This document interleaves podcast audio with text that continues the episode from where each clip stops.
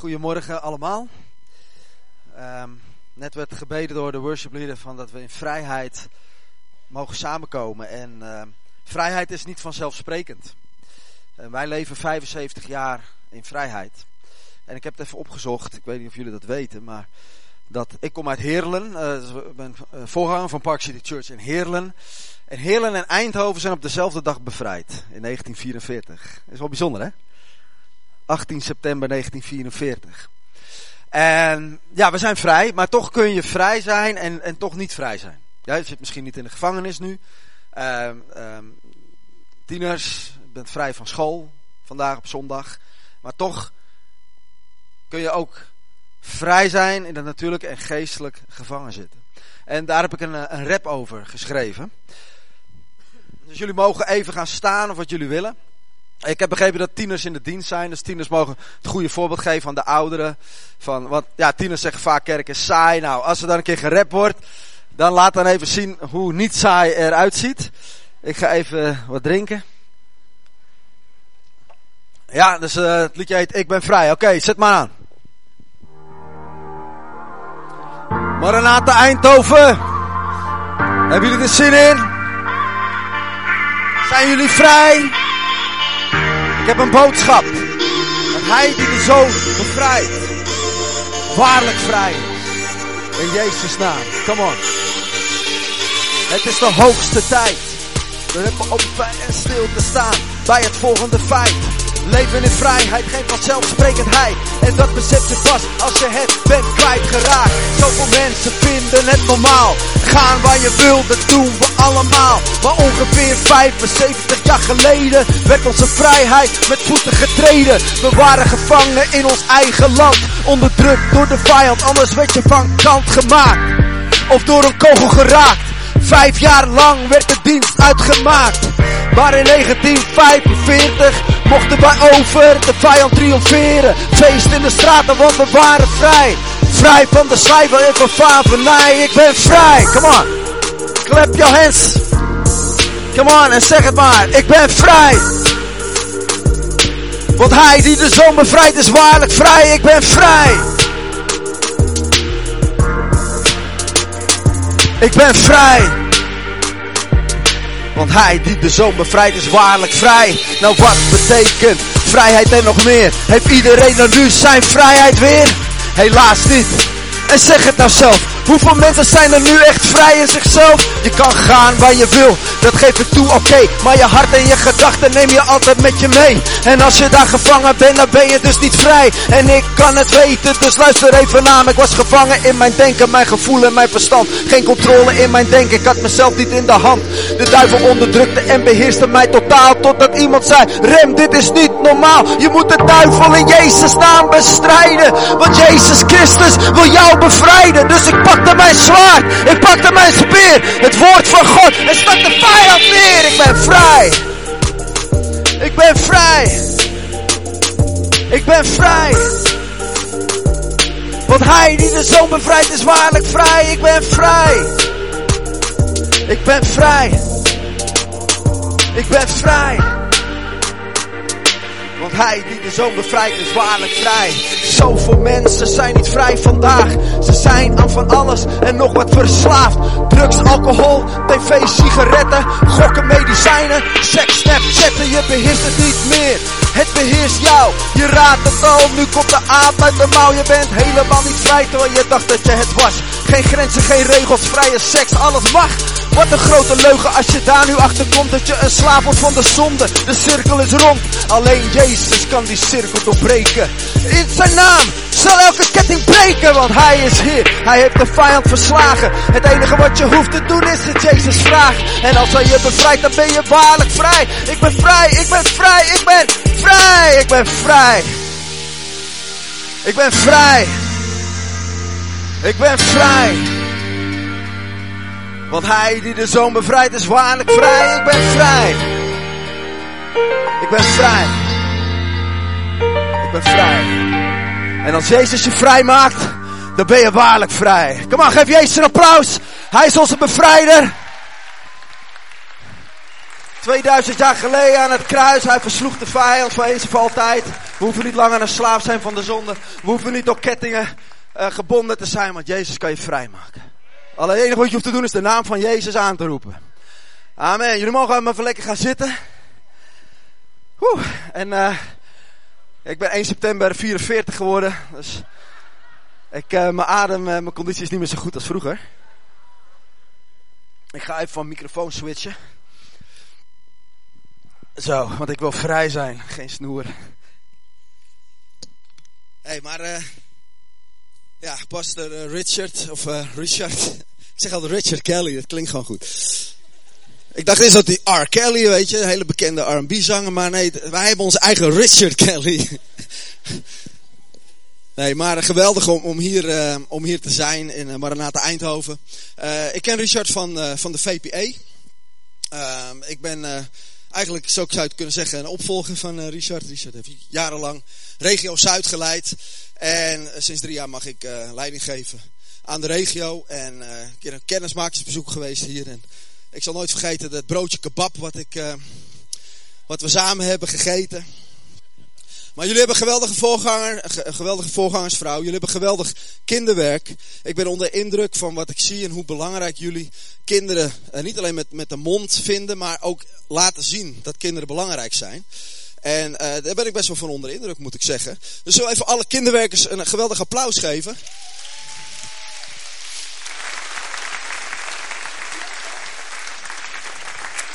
Yes hey, ik kom uit Heerlen, maar misschien uh, denk je bij jezelf van ja, maar deze man klinkt helemaal niet uh, Zuid-Limburgs. Mijn vrouw heeft een hele mooie zachte G. Ik ben al twintig jaar met haar getrouwd. Haar ouders zijn van Suriname, ze is wel in, in, Limburg geboren. Maar um, ja, dus als mensen mij vragen hoe ben je dan in Limburg terechtgekomen, dan zeg ik altijd de liefde voor mijn vrouw.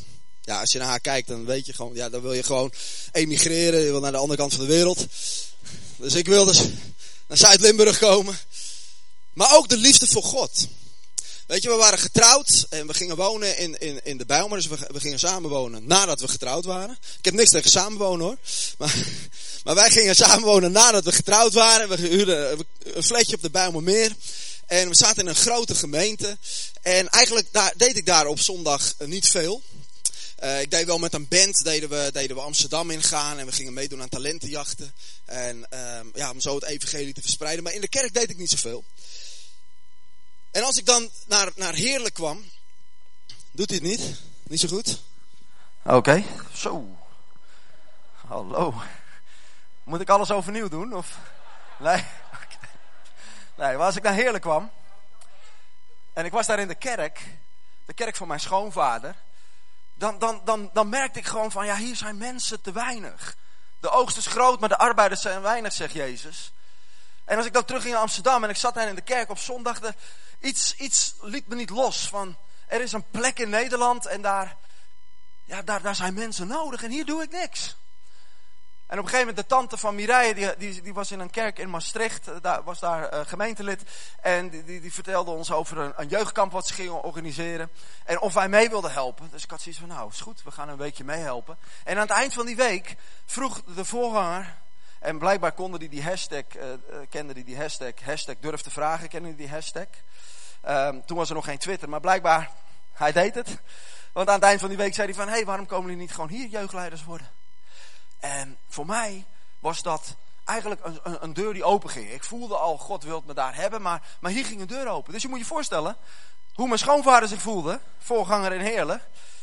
Dat wij zeiden, ja uh, pa, we komen naar Zuid-Limburg, maar we gaan naar Maastricht. Ja, mijn de wegen van de Heer zijn ondergrondelijk. Maar ik is zo heerlijk, weet je. Dan ben je net getrouwd, heb nog geen kinderen. En dan ben je lekker, ja, gewoon ook, ook wel een beetje naïef. En eigenlijk moeten we dat nooit kwijtraken. Um, we mogen zijn als kinderen. Nou, we als kinderen deden onze baan opzeggen, onze huur opzeggen. En we propten alle spullen in een bus en we reden naar Maastricht. We hadden nog geen huis. We gingen bij mijn schoonouders op zolder wonen. En toen bleek Mireille zwanger te zijn van onze eerste. En ik had echt zoiets van, heer, come on man. We hebben geen huis, we hebben geen baan. En God zei tegen mij, ja, ik wil het zelf tegen jou zeggen Remco. Ja, wij kunnen heel makkelijk soms God de schuld geven, maar we zijn er toch echt zelf bij. Ja, maar ja, weet je, ik moest mijn vrouw negen maanden van me afhouden. Want Mirai wilde meteen op de huwelijksnacht al een kind. Echt waar. Die, mijn, mijn vrouw is een geboren moeder. Dus negen maanden heb ik het weten te rekken, maar goed. Maar tegelijkertijd wist ik ook van, ik wil, dat mijn, ik wil niet dat mijn bediening groeit en dat ik daarna mijn kinderen even tussenprop.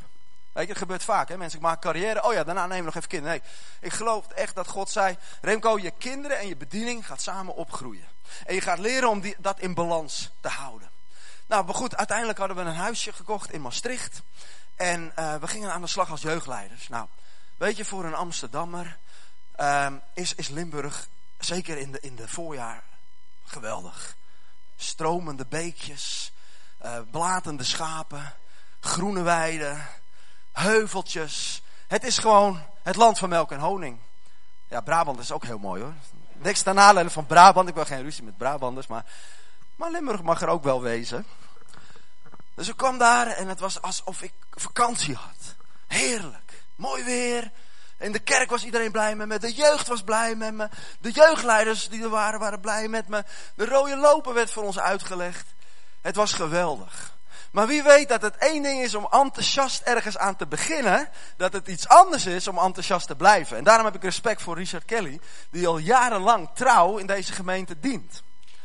Applausje voor Richard, want dat is niet zo, dat is niet vanzelfsprekend. Het is iedere keer weer opnieuw kiezen om trouw te zijn aan de roeping die God voor je heeft. Het is veel makkelijker om weg te rennen als het moeilijk wordt. En uiteindelijk kwam ik daar ook achter. Dat het leven met Jezus betekent niet dat je altijd wind mee hebt, dat alle stoplichten op groen gaan. Weet je, na anderhalf jaar kregen we bezoek van de voorganger. En uiteindelijk kregen we te horen dat we niet de jeugdleiders waren die ze zochten. We voldeden niet aan hun verwachting. En we werden aan de kant gezet. En daar zat je dan. Je hebt net een, een kindje. Je, je hebt alles opgegeven. Je vrienden, je familie. Je hebt een huis gekocht in Maastricht. En er kwam van alles op mij af. Er kwam van alles op mijn, op mijn hart af, om het zo even te zeggen. Boosheid. Boosheid naar die voorganger. Hoe kunnen ze me nou zo pardoes aan de kant zetten? Twijfel. Heb ik het dan wel goed gehoord van God dat ik, dat ik, hier, dat ik hier moest zijn? Teleurstelling in mensen, teleurstelling in God. En ik, op dat moment had ik allerlei besluiten kunnen nemen. ik had kunnen beslissen om terug te gaan naar Amsterdam. Weet je wat, bekijk het maar, Limburgers. Zoek je iemand anders. Ik ga lekker terug naar Amsterdam. En weet je wat, als ik dan in Amsterdam ben, weet je, dan, dan, dan ga ik niet meer naar een kerk, man. Ben wel gek. Ik ga toch niet weer een keer uh, met, met, met voorganger en dat gedoe. En uh, ik, wil, ik, ik, ik wil niet nog een keer zo behandeld worden, dus ik blijf gewoon lekker thuis op zondag. Ik zet op RTL 5 om 8 uur en om 9 uur zet ik Hour of Power aan. En ik ga gewoon naar Jan van der Bos kijken. Want Jan van der Bos, die zegt tenminste wel lieve dingen tegen mij. Hij lacht altijd naar mij. Jan van der Bos doet mij geen pijn, hij kwetst mij niet. Wij zijn bij Hour Power geweest, een paar jaar geleden. In een prachtig huis. En dan kregen, werden we geïnterviewd. Maar ik zeg je één ding. Zet mij één week in dat prachtige huis met Jan van der Bos alleen. En ik ga hem ook aan hem ergeren. Ja, toch? Want dat is het echte leven, toch? Het is heel makkelijk om achter YouTube en uh, weet je, nou lekker veilig, weet je, maar het is niet echt. Dit is echt, samenkomen. Het huisgezin van God, werd net gezegd. En jullie willen een gezin van God zijn, maar wie weet dat een gezin in een gezin kies je elkaar niet uit. Ik kom uit een gezin met drie broertjes. En het was niet dat ik, ik als oudste op een dag gevraagd werd door mijn vader en moeder Remco, we gaan even naar de broertjes supermarkt, je mag er drie uitzoeken. Nee, ik kreeg ze gewoon. Daniel, Peter, Tim. Ik moest het ermee doen. En nu hebben we, hebben drie kinderen.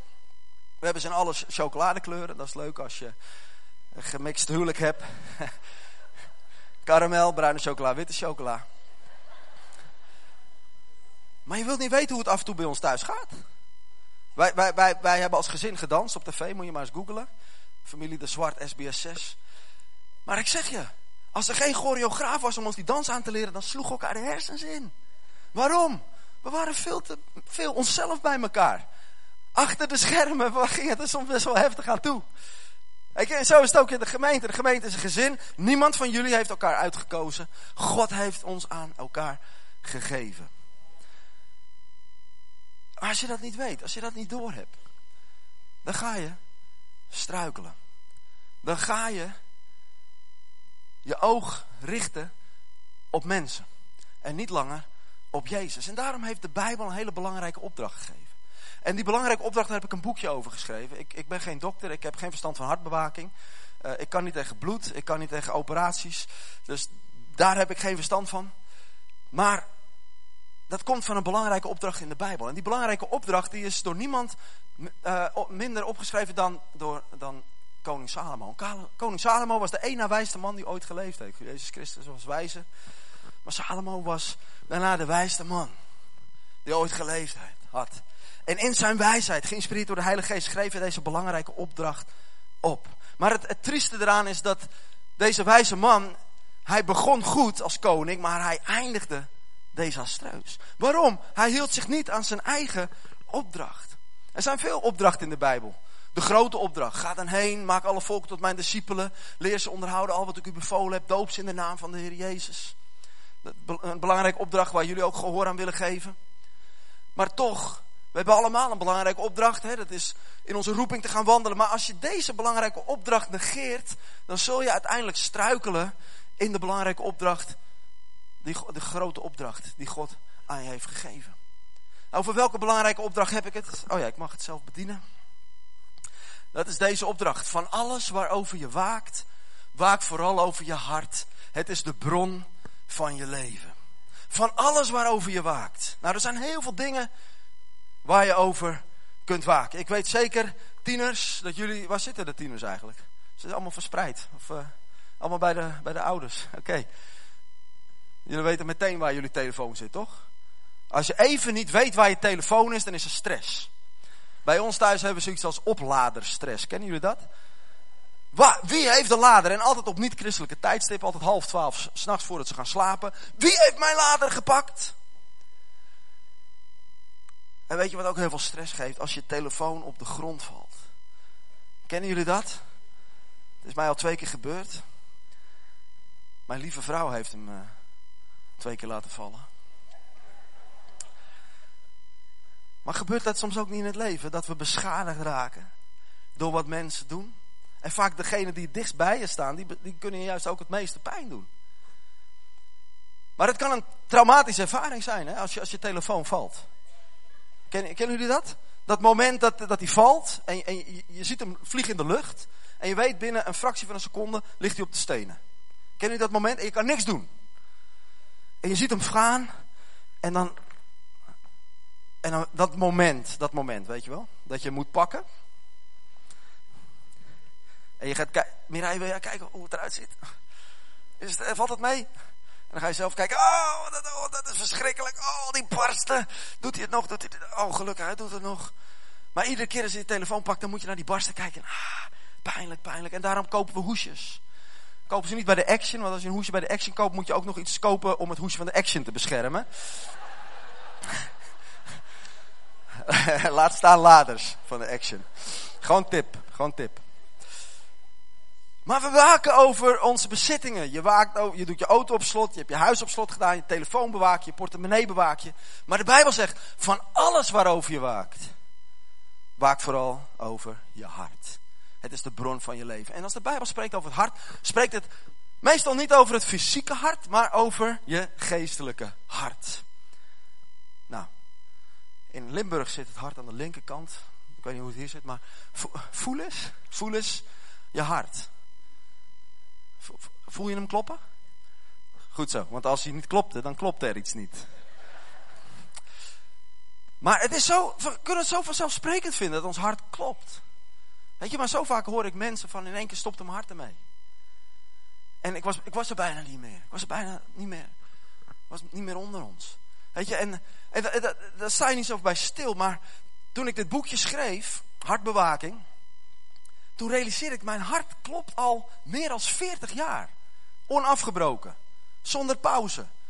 Als ik een hart was, man, dan had ik eventjes, eh, even, een, eh, een uurtje pauze willen hebben. Ik heb ook recht op pauze. Even chillen, even Netflixen. Gelukkig, gelukkig is ons hart zo ontworpen dat hij blijft kloppen. Het houdt ons in leven. En zo is het ook met je geestelijke hart. Het is de bron van je geestelijke leven. Dus als de Bijbel spreekt over hart, dan is dat het woordje in het Hebreeuws het woordje leb, L-E-B. En in het Grieks het woordje cardia. En dat betekent wie je ten diepste bent. Het centrum van je wezen. Daar waar je motieven vandaan komen, je gedachten, je passie. Eigenlijk wie je ten diepste bent. En daarom is er een strijd om je hart. Want de duivel weet, als ik je hart heb, dan heb ik je leven. Alleen het begint in het klein. En daarom moeten we waakzaam zijn. Nou, ik wil het hart vergelijken met vier metaforen. En de eerste vergelijking is dat je hart een bron is. Bron van je leven, dat zegt Salomo, maar ook Jezus zegt dat. Jezus zegt, want waar het hart vol van is.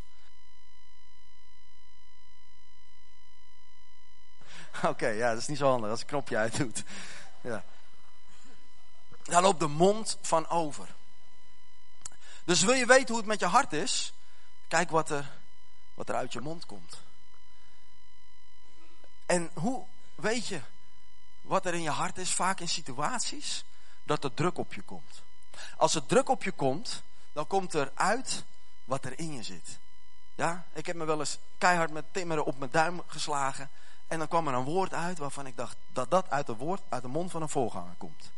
Dan denk ik, oeh, wat, wat komt er nu uit? Weet je wel? Dan kan je soms van schrikken wat er uit je mond komt.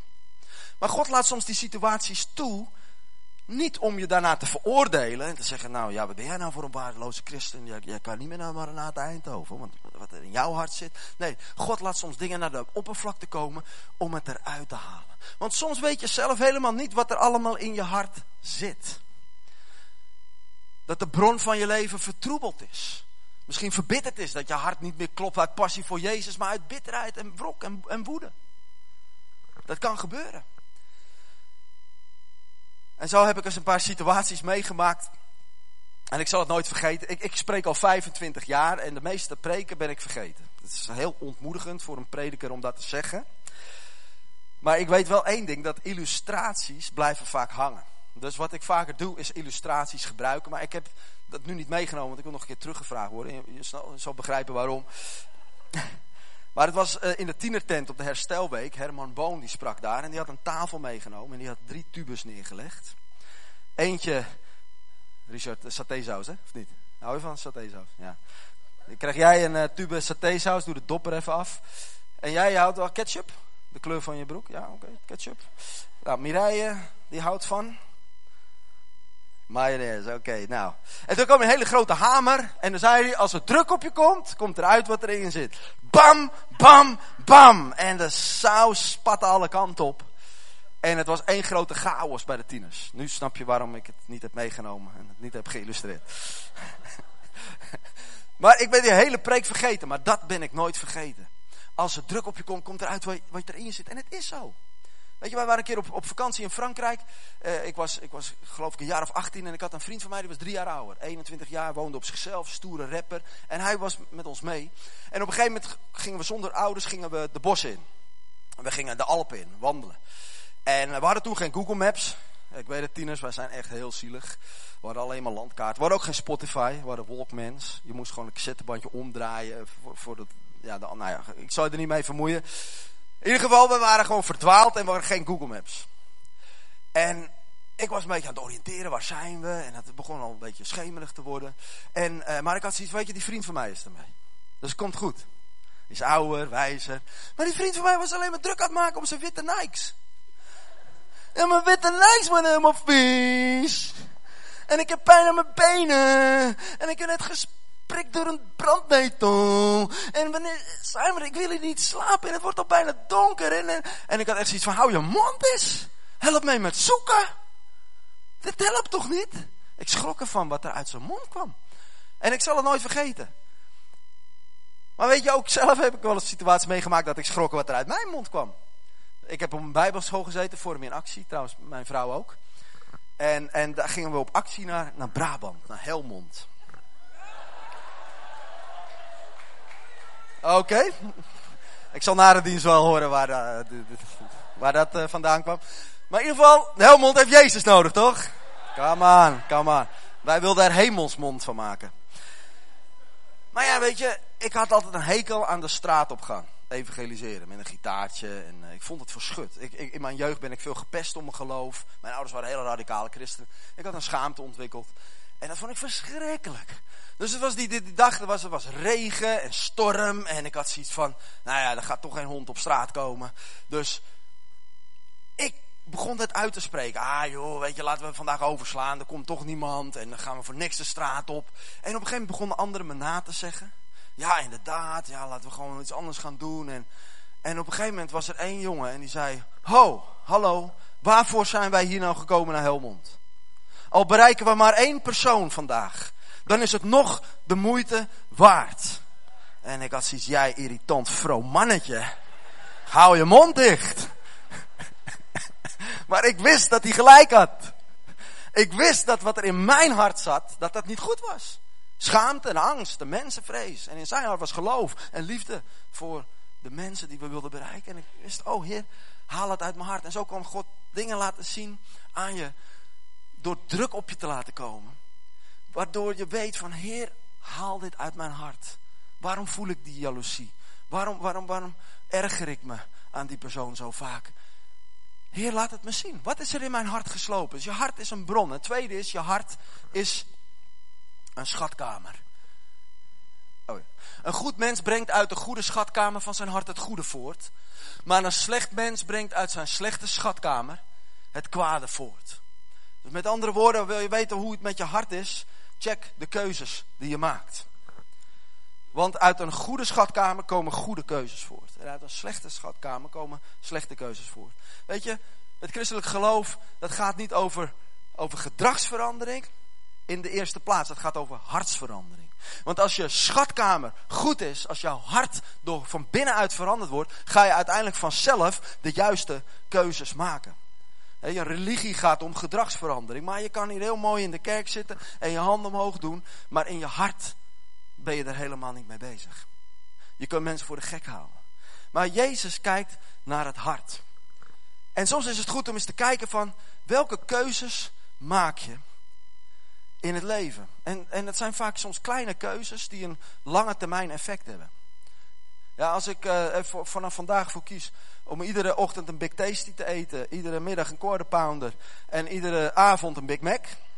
En ik kom volgend jaar terug, dan moet ik inderdaad die hele bank is alleen voor mij gereserveerd daar. Daar hoef je geen profeet voor te zijn.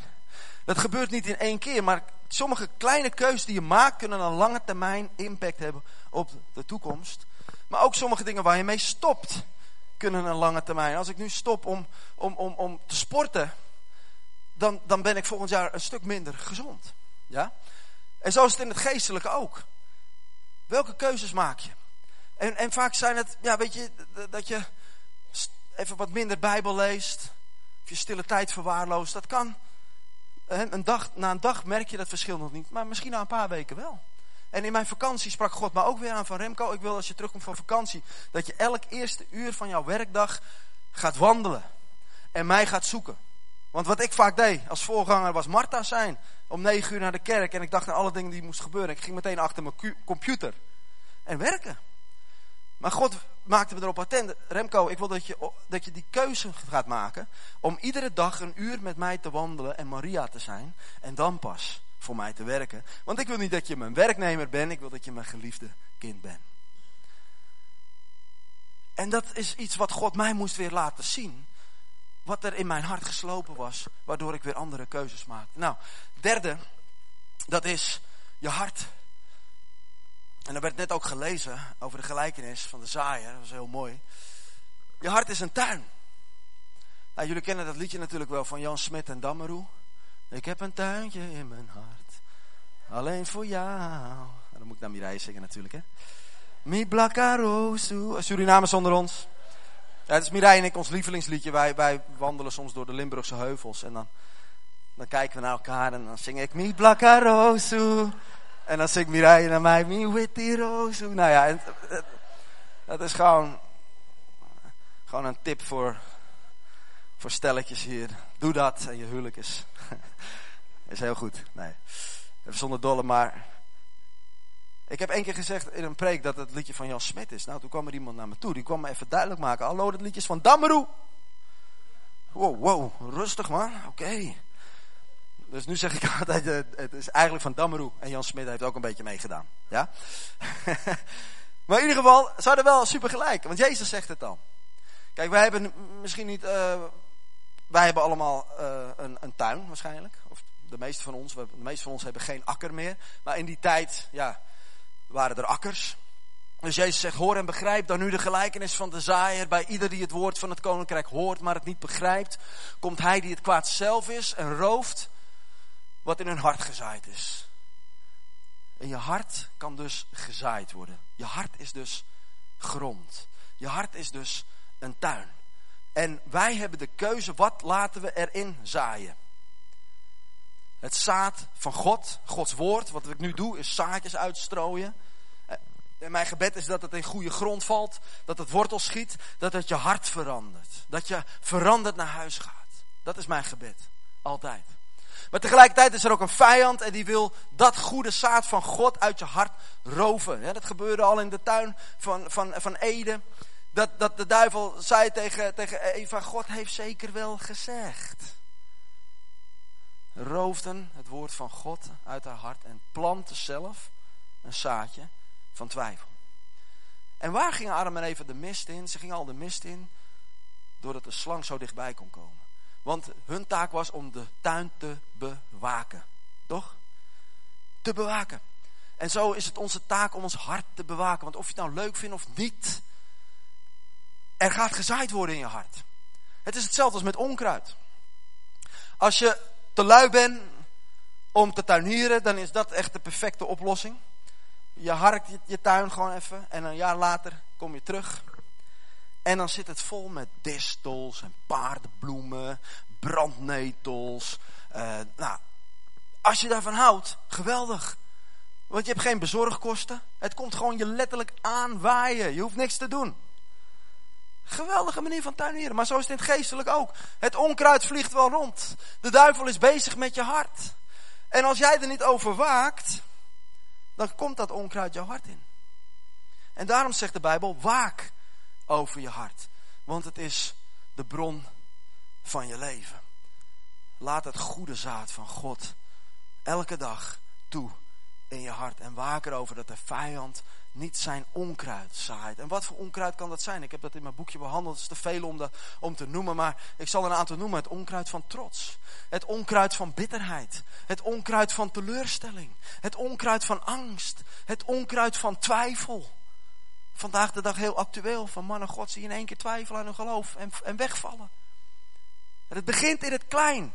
Het begint in het hart. Je denkt misschien nog een klein onkruidzaadje. Wat kan dat voor kwaad? Ja, denk je dat de duivel komt? Op een hele vijandige manier. Nee, natuurlijk, hij weet hoe die moet komen. Het lijkt onschuldig. Je denkt, ah, ik can handle it. En voor je het weet zit het in je hart. En op de lange termijn verwoest het je leven. En struikel je. Weet je, ik wil eindigen waar ik mee begon. En dat is dat moment dat wij daar zaten in onze huiskamer in Maastricht. En ik had van alles kunnen doen. Ik had terug naar huis kunnen, naar Amsterdam kunnen gaan. Kerk van wel kunnen zeggen. Misschien mijn geloof van wel kunnen zeggen. Mijn roeping van wel kunnen zeggen. Maar weet je, ik belde mijn geestelijk vader. En dat is zo belangrijk. Op dit soort momenten heb je mensen om je heen nodig. Heb je de kerk nodig. Weet je, die je ook een spiegel kunnen voorhouden. Weet je, en een van de vragen die ik kreeg van Remco. Door wie ben je nou naar Limburg gekomen? Door de roep van een mens, van die voorganger? Of de roep van Jezus? En dat is cruciaal. Want als je leven gebouwd is op woorden van mensen, ze gaan je teleurstellen en je gaat onderuit. Maar als je leven gebouwd is op de rots Jezus Christus, als Hij je fundament is, als je gebouwd bent op Zijn roeping, dan gaat het stormen, maar de storm waait je niet om. Nee, tegenwind zorgt dat je opstijgt. Amen. Jij kan ervoor kiezen, blaast het je omver of stijg je op. Ik wist, ik ben geroepen door God. En ik blijf. En God opent een deur naar de gemeente waar, waar, waar ik nu voorganger ben. Hallo. Wat als ik alles overboord had gesmeten? God wist dat ik met een omweg naar Heerlen zou komen. Om daar voorganger te zijn. Inmiddels tien jaar. Uiteindelijk ook regioleider. Dat ik een impact zou hebben in, in, in Zuid-Nederland. Maar ik had het toen allemaal weg kunnen gooien. Omdat het niet ging zoals ik het had bedacht. En dus besloten we daar naartoe te gaan. En een half jaar later werd de kerk in Maastricht opgedoekt. En de jongeren, waar ik leiding aan gaf, kwamen met hun ouders naar onze kerk. En God had mij al vooruitgestuurd. Inmiddels was ik daar al betrokken bij het jeugdwerk en ik kon ze opvangen. Want ze waren natuurlijk heel erg in de war. En uiteindelijk kwamen een paar van die ouders naar me toe en zeiden: Remco, we hebben geweldig nieuws. De voorgangers hebben een brief naar ons gestuurd en ze hebben vergeving gevraagd voor wat ze gedaan hebben, wat ze verkeerd gedaan hebben. En in plaats dat ik zei: Oh, prijs de Heer, broeder, wat geweldig, was mijn reactie. Als er druk op je komt, komt eruit wat erin zit. Waarom heb ik geen brief gekregen? Als iemand een brief verdient, ben ik het wel. Helemaal uit Amsterdam gekomen. Alles achtergelaten. Familie, vrienden, huis gekocht. Moeten verkopen. Met verlies. Sta onder water. En er kwam in één keer boosheid. Naar boven. Waarom heb ik geen brief gekregen? En ging ermee naar God. Dat is het beste wat je kan doen. Want soms kun je dingen niet zien in de spiegel. Trots kun je niet zien in je spiegel. Jouw gelijk kan je niet zien in je spiegel. Soms denk je dat jij gelijk hebt, maar misschien heb je niet gelijk. En daarom is het goed om dit gebed te bidden wat David bad.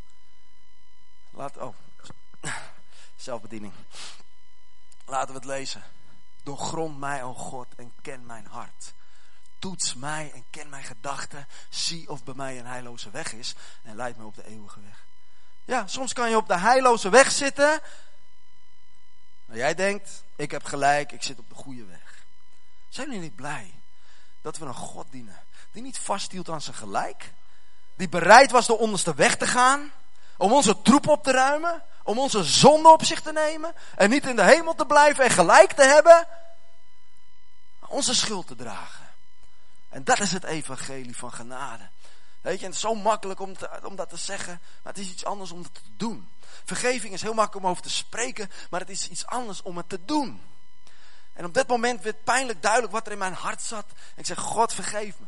Dat er nog steeds bitterheid in mijn hart zit. Dat er teleurstelling in mijn hart zit. En toen zei God, en nou wil ik dat jij iets gaat doen. Nu wil ik dat jij een brief gaat schrijven. En vergeving vraagt voor jouw verkeerde houding. Satan, geachte mij. Dat kan wel niet van God zijn. Ik heb gelijk. Ik, ik. Ja, soms spreekt God op een manier die we niet willen horen. Maar oh, wat is het goed voor je hart. Wat is het goed voor je hart als je een wondje hebt en pus komt eruit. Dat is goed voor, je wond, voor de wond. En dit was goed voor mijn hart. En ik ging achter mijn computer en ik ging een mail schrijven. En niet, Remco, niet van, ja maar jullie. Nee, alleen bij jezelf houden. Want het is zo makkelijk om te wijzen, toch? In het leven. Oh, door mijn verleden dit. En door wat die gedaan heeft dat. En kom je in een slachtofferrol. Kom je, weet je, maar God wil dat je naar je eigen hart kijkt. Het is zo makkelijk om straks naar de dienst een boekje te kopen. Voor ome Joop. Ome Joop had er vandaag echt moeten zijn. Oeh, als iemand zijn hart moet bewaken, is het ome. Tante, ik koop twee boekjes voor tante Truus. Die heeft er wel twee nodig. Jongen, jongen, jongen, jongen. Nee, God zegt, kijk naar je eigen hart. Kijk naar je eigen hart. Weet je, en ik word er ook iedere keer weer op getest. Klein voorbeeldje. Wij, met, wij hebben ook een mooie dans in onze kerk. Mijn vrouw zit in een dansgroep. En met kerst en Pasen dan dansen we en zetten we het op YouTube. En ik ben hartstikke trots op. Mijn kinderen dansen erin, mijn vrouw. En soms ik ook. Moet je maar even kijken op YouTube. Ik weet niet of je het wil zien, maar...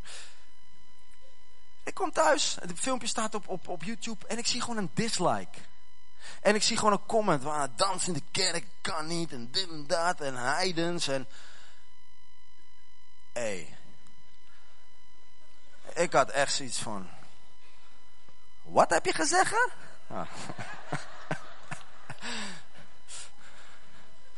Dan komt Judeska in mij naar boven. Ik zocht zijn account op. Al zijn filmpjes gedisliked. Dislike, dislike, dislike, dislike. En het was niet genoeg. Ik logde in op mijn vrouws account. Dislike, dislike, dislike. En dat was nog niet genoeg. Ik logde in op de account van mijn dochter. Dislike, al zijn filmpjes. Lekker voor je. En in één keer was het alsof God zei, Remco, je hebt een boek geschreven over hartbewaking? Oh, iedere dag is het weer een keuze om je hart te bewaken. En God zei, maak die dislikes ongedaan. Oké dan. En ga nu al zijn video's liken. En ik heb het gedaan. Waarom? Ik wil niet bitter zijn. Dit is misschien een klein voorbeeld. Ik wil niet bitter worden door dingen die mensen mij aandoen. Ik wil beter worden. Want God zegt in zijn woord. Hij keert alles ten goede voor degene die hem blijven liefhebben. Dus laat wat gebeurt. En niet voor zorgen dat jouw liefde voor Jezus geroofd wordt uit je hart. Duivel, wat je ook probeert. Ik blijf naar Jezus kijken. En ik blijf die wedloop lopen. In de naam van Jezus. En ik drukte op cent, die mail. En op dat moment was die last van mij af. Weet je, want je kan niet Jezus volgen en naar, naar, naar achter blijven kijken. Naar wat die persoon je heeft aangedaan. Kom los van je verleden en ga richting je toekomst. Richting datgene wat God voor je heeft. En blijf in je bestemming wandelen. In Jezus' naam. Kom maar, geef Jezus een applaus. Ik wil vragen dat de band naar voren komt. En de band, uh, jullie mogen gewoon een lied uh, inzetten, maar laten we samen Laten we samen naar God gaan. Laten we samen dit gebed uh, uh, met elkaar bidden. Ja, vinden jullie dat goed? Doorgrond mijn hart. Doorgrond mijn hart. Oké, laten we het samen bidden. Bid maar mee. Doorgrond mij, o God. En ken mijn hart. Toets mij en ken mijn gedachten. Zie of bij mij een heilloze weg is. En leid mij op de eeuwige weg. Ja, Heer, we hebben dit gebed zo gebeden. Heer, en ik bid op dit moment, schijn met uw licht in ons hart. Heer, daar waar we verblind zijn door ons eigen gelijk. Heer, daar waar we niet over ons hart gewaakt hebben. Daar waar we niet door hebben gehad, Heer. Dat onkruid in ons hart gekomen is. Heer, wilt u het op dit moment laten zien. In Jezus' naam. Heer, we komen zo bij u, Heer. We moeten denken aan David. Die op een gegeven moment een profeet nodig had om te zeggen, David, die man, dat ben jij. Heer, dan wilt u zo op dit moment, Heer, ons ons eigen hart laten zien. In de naam van Jezus. Je mag alvast uh, wat, wat spelen. Heer Jezus, dank u wel. Dat u op dit moment, Heer, al het onkruid uit ons hart halen. Heer, daar waar iemand moet vergeven. Heer, wilt u op dit moment de naam te binnenbrengen van die persoon. Heer, daar waar aanstoot is genomen. Misschien ook in de gemeente. Heer, wilt u ook dat laten zien. Heer. En uh, het aanstoot uit ons hart nemen. Daar waar we teleurgesteld zijn. In mensen. En misschien ontmoedigd zijn geraakt. Heer, teleurstelling uit ons hart halen. Daar waar we misschien teleurgesteld zijn in God. Waar de dingen zijn gebeurd die je niet begrijpt. waarvan je denkt van God, hoe heeft dit kunnen gebeuren? En misschien ben je bitter geworden naar God. En God zegt, laat los. Ik ben God. Mijn wegen zijn hoger dan jouw wegen. Mijn gedachten zijn hoger dan jouw gedachten. Buig voor mij, buig voor mijn wil. Niet mijn wil geschieden, maar uw wil geschieden, vader. En wat er ook gebeurt, ik kies ervoor om u te blijven vertrouwen. Wat er ook gebeurt, ik kies ervoor om te geloven dat u goed bent. Ook al zijn mijn omstandigheden niet altijd goed. Ik kies ervoor vandaag om mijn oog te richten op Jezus. En misschien heb je je oog gericht op een mens. Haal je oog van de persoon af. En richt je persoon, richt je oog op die persoon. Die is de grondlegger en de voltooien van je geloof. Heer, daar waar de vijand is gekomen met het zaad van twijfel. Heer, wilt u op dit moment het zaad van twijfel uit de harten halen. En wilt u op dit moment, Heer, een mosterdzaadje van geloof planten. Heren, als we niet twijfelen in ons hart, heren. En met geloof spreken, tot welke berg dan ook, het zal zich in de zee verplaatsen. En dank u wel voor deze gemeente. Heer, dat u in het hart van deze gemeente een zaad van mosterdzaad, een geloof mosterdzaad plant, heren. Dat deze gemeente bergen gaat verzetten. Heren, die ze nog nooit voor mogelijk hebben gehouden. In Jezus' naam, dank u wel, Vader. Halleluja. Halleluja. Weet je. En misschien degene die aan het tellen waren, die dachten, hé, hey, hij had toch vier metaforen. Ja, mijn vierde metafoor is eigenlijk mijn belangrijkste. En dat is, waar heb ik dat ding nou? Oh. Je hart is een huis. Zodat God door het geloof Christus kan gaan wonen. Zodat door uw geloof Christus kan gaan wonen in je hart. Dit is het allerbelangrijkste. Van wie is je hart? Wie is de eigenaar van je hart? Wie mag er bij jou aan tafel zitten? De Bijbel zegt, zie ik sta aan de deur en ik klop. En hij klopt aan de deur van je hart. En er is maar één deurklink en die zit aan onze kant. En vandaag klopt Jezus aan de harten van mensen. Misschien heeft Jezus ooit in je hart gewoond. Maar je hebt hem verplaatst naar de zolder. En je haalt hem alleen eruit als je hem nodig hebt. Misschien is Jezus niet meer bij jou aan tafel. Maar Jezus zegt, ik wil bij jou aan tafel zitten. Ik wil Heer zijn van je leven. Mag ik de sleutels van je hart, terwijl we allemaal even onze ogen sluiten. Het is een moment tussen jou en Jezus. Het maakt niet uit welke leeftijd je hebt. Tiener, volwassenen, ouderen. Misschien heb je nog nooit die keuze gemaakt om Jezus de sleutels van je hart te geven. Of misschien ben je afgedwaald van God. En Jezus is niet meer volledig in controle over jouw hart. En je zegt, ik wil opnieuw die keuze maken. Om Jezus in mijn hart te laten wonen. Ik ga niemand naar voren halen, ik ga niemand voor schut zetten. En terwijl we allemaal even onze ogen sluiten om iedereen privacy te geven, wil ik je vragen. Als jij ervaart dat Jezus klopt aan je hart en dat je open moet doen, wil je dan even een moment je hand omhoog steken? Misschien voor de eerste keer of opnieuw, dankjewel. Vele handen gaan omhoog. Zijn er meer mensen? Dankjewel. Dit is een belangrijk moment. Kom maar, geef deze mensen een applaus. Mensen die hun leven geven aan Jezus. Heren, dankjewel, heren. Voor de harten die u worden toevertrouwd, heren. Op dit moment. In Jezus' naam zullen we, je mag je hand weer naar beneden doen. Laten we met, met elkaar dit gebed bidden. Waarin we Jezus de sleutels geven van ons hart. En alle christenen, bid met me mee. Laten we samen, want we zijn een gezin toch? En als God gezinsleden aan ons toevertrouwt, dan mogen we ze welkom heten. Bid me na, Heer Jezus. Dank u wel dat u voor mij stierf van het kruis. Mijn zonde heeft gedragen. Ik geloof met mijn hart dat u bent opgestaan uit de dood. Ik beleid met mijn mond dat u Heer bent. Geef u mijn hart vandaag. Heilige Geest, vul mijn hart. En vanaf vandaag wil ik u blijven volgen. Voor de rest van mijn leven. Dank dat ik vergeven ben. Een nieuwe kans krijg. In Jezus' naam. Amen. Zullen we nog één keer deze mensen een applaus geven? En als je wil napraten, uh, dan, dan ga naar een van de leiders toe hier. En zorg dat je volgende week weer terugkomt. Zorg dat je deel blijft van het huisgezin van God. Bedankt voor het luisteren allemaal. Als je mijn boekje wilt, na de dienst staat mijn prachtige vrouw achter de boekentafel. 9,95. En je kan ook nog pinnen. En uh, nou, ik hoop je daar te zien. Uh, aan wie kan ik de microfoon geven?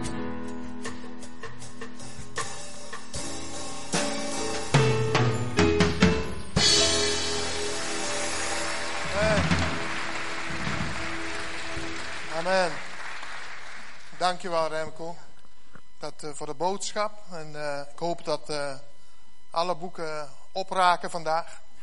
En dat is goed, goed om het hart te checken. Te blijven checken. Want het is zo'n plaats om elke keer weer gevuld te worden met rotzooi. En dankjewel voor je oprechtheid ook. Heel mooi. We gaan twee dingen doen. Nee, drie. We gaan bidden voor een zuster. We gaan een slotlied horen. En we willen weten of onze broeder echt vrij is. Als hij echt vrij is, dan ga je weer dat lied zingen. Wie wil het horen? Oké.